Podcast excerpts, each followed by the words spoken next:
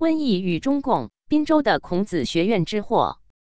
大纪元二零二零年五月三十一日讯，大纪元记者李小苏滨州报道：中共病毒武汉肺炎正肆虐全球，给世界各国造成巨大生命和财产损失。仅在美国滨州，截至五月三十日，中共病毒确诊感染病例已超过七万五千七百九十四例，死亡人数超过五千五百六十。宾州成为全美疫情最严重的州之一。大纪元特稿病毒针对共产党而来一文指出，受疫情影响严重的国家、地区、团体和个人都与中共关系密切。中共对宾州的渗透，本报曾通过不同角度予以详细阐述。本文仅汇总中共如何利用孔子学院项目向宾州进行文化渗透的内容。中共广设孔子学院，输出中共意识形态。中共打着马克思主义的旗号，宣扬的是无神论、进化论。这些表面邪恶的东西，西方民主国家是有辨别能力的。为了掩人耳目，中共抬出了孔子的名号，借以中文教学的形式，并以经济利益为诱饵，向世界各国进行潜移默化的中共意识形态渗透。据汉办官网称，截至五月，中共已在全球一百六十二国家。地区设立了五百四十一所孔子学院和一千一百七十个孔子课堂，其中亚洲三十九国地区孔子学院一百三十五所，孔子课堂一百一十五个；非洲四十六国孔子学院六十一所，孔子课堂四十八个；欧洲四十三国地区孔子学院一百八十七所，孔子课堂三百四十六个；美洲二十七国孔子学院一百三十八所。孔子课堂五百六十个，大洋洲七国孔子学院二十所，孔子课堂一百零一个。这些数字触目惊心，足见中共对全世界的文化渗透之深之广。美国宾州现在至少有两所中共的孔子学院，一所在费城的天普大学，另一所在匹兹堡大学。数量虽然不多，但这两所孔子学院都有其特别之处。天普大学与中共关系的历史溯源，位于费城的天普大学 （Temple University） 与中共有着许多鲜为人知的联系。回顾历史，一九七九年一月一日，中美建交。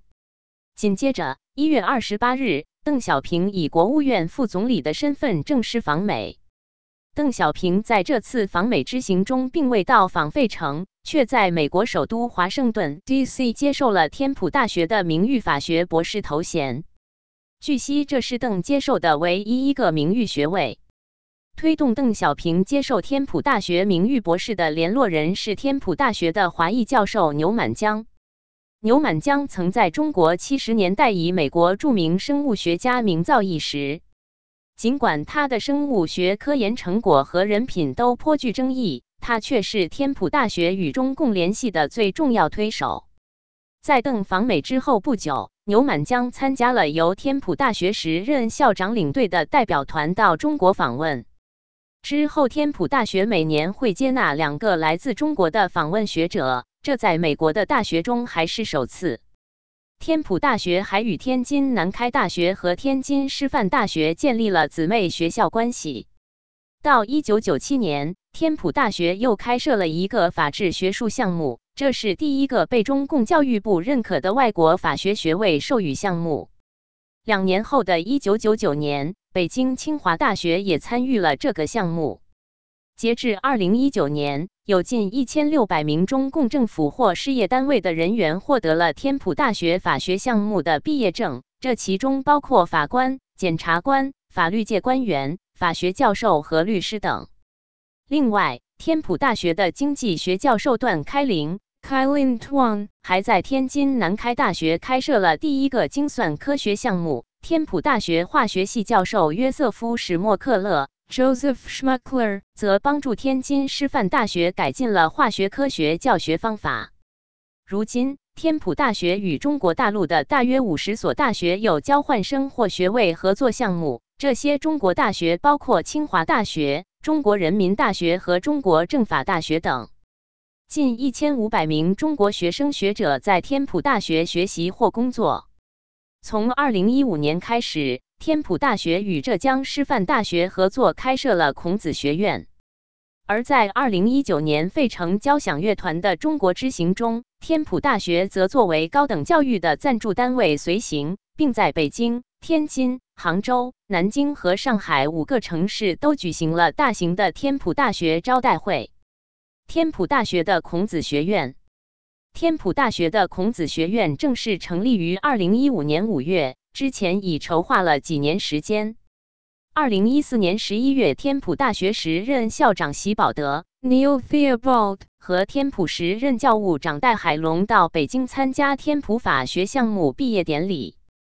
他们会见了中共汉办的主任许林，并签署了在天普大学建立孔子学院的协议。汉办的全称是国家汉语国际推广领导小组办公室，它是全球孔子学院的主管单位。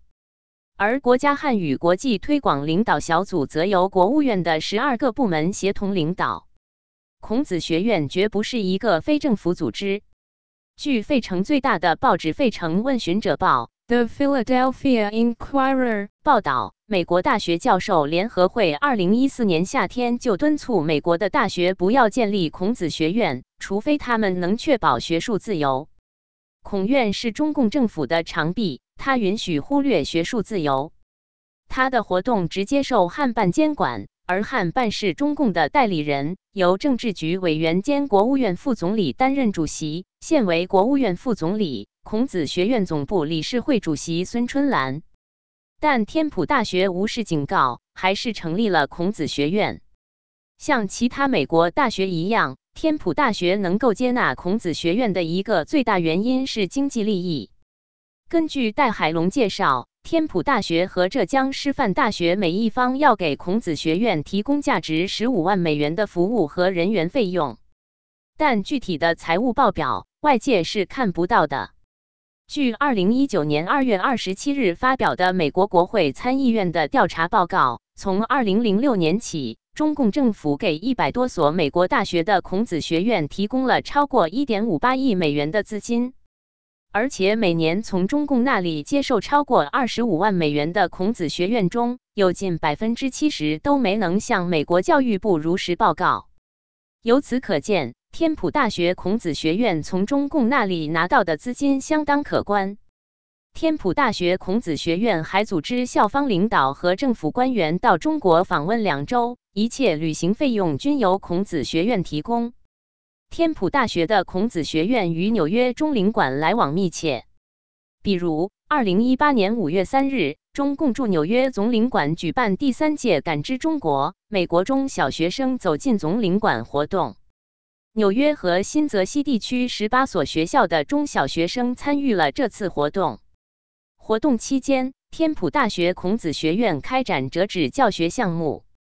二零一九年二月五日下午。中共驻纽约总领馆总领事黄平一行到天普大学，与华裔师生、孔子学院校董团队见面。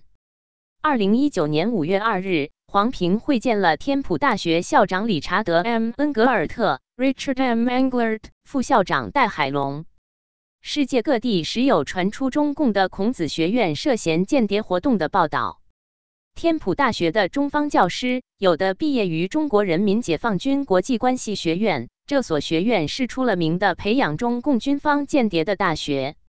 从天普孔子学院组织的讲座活动中，人们也可看出他所推行的是什么。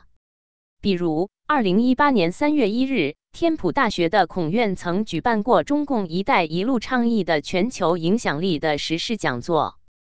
一些国家已清醒地意识到。“一带一路”是一种具有中共特色的帝国主义。中共企图借助在六十多个国家建设全球运输和贸易联通网络，对这些国家进行经济剥削和控制，以提升中共在国际舞台的影响力。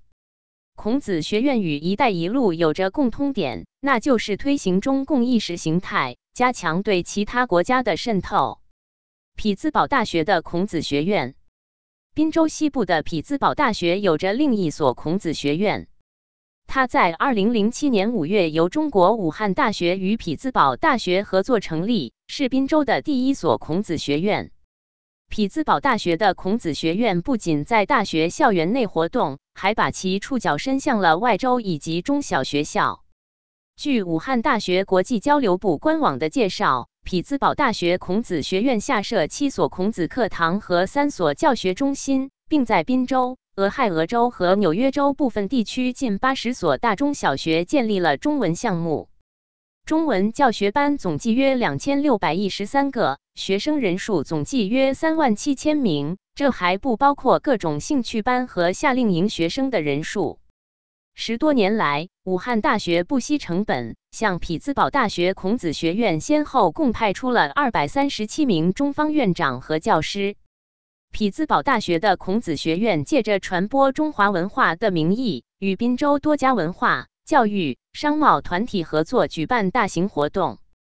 据武汉大学国际交流部称，每年平均举办各类文化活动百余次，参加活动人数从2007年的一千五百人次增加到2019年的约五万人次。由于匹兹堡大学孔子学院在海外的积极表现。他多次受到孔子学院总部的奖励。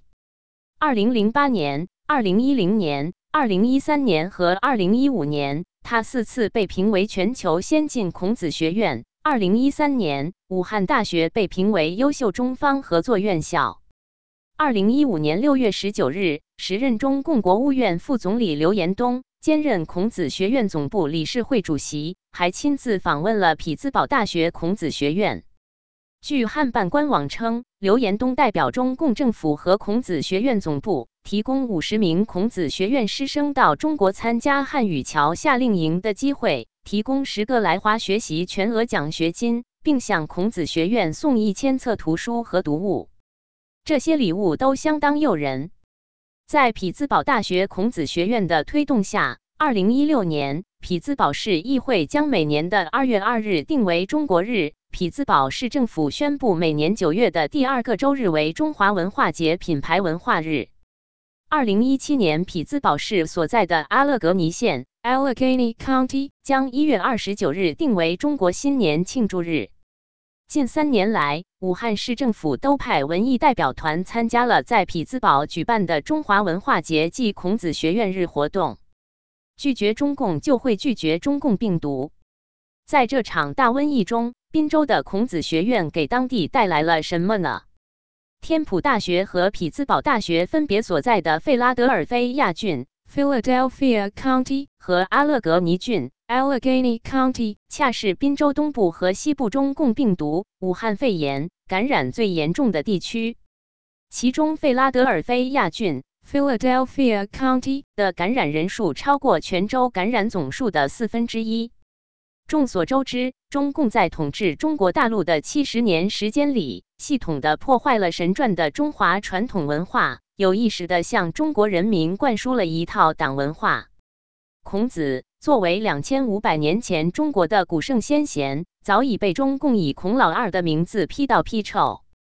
现在，中共却打着孔子的名义，以教授中文为借口。以表面肤浅的文化为包装，向海外渗透共产主义意识形态。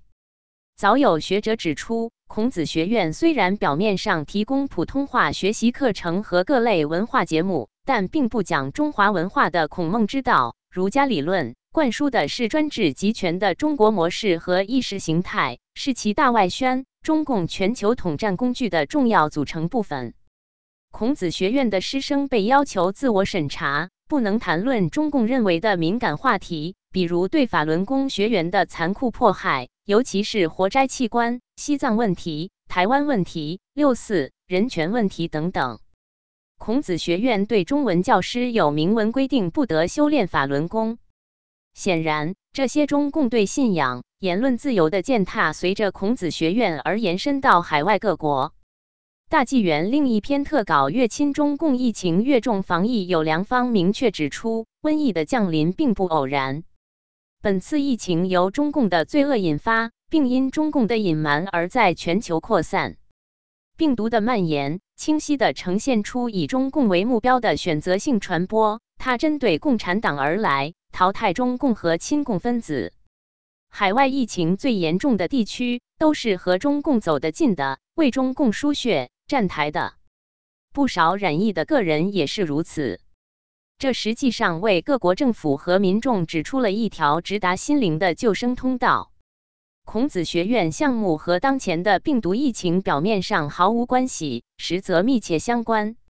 世界上已经有越来越多的大学意识到孔子学院的危害，从而纷纷关闭孔子学院。最近，瑞典清除了境内所有的孔子学院。作为北美第一家孔子学院的马里兰大学孔子学院也于今年初被关闭。关闭孔子学院将是各国，包括美国宾州，拒绝中共的一个行之有效的举措。远离中共，就会远离中共病毒；拒绝中共，就是拒绝中共病毒。责任编辑：梁克林。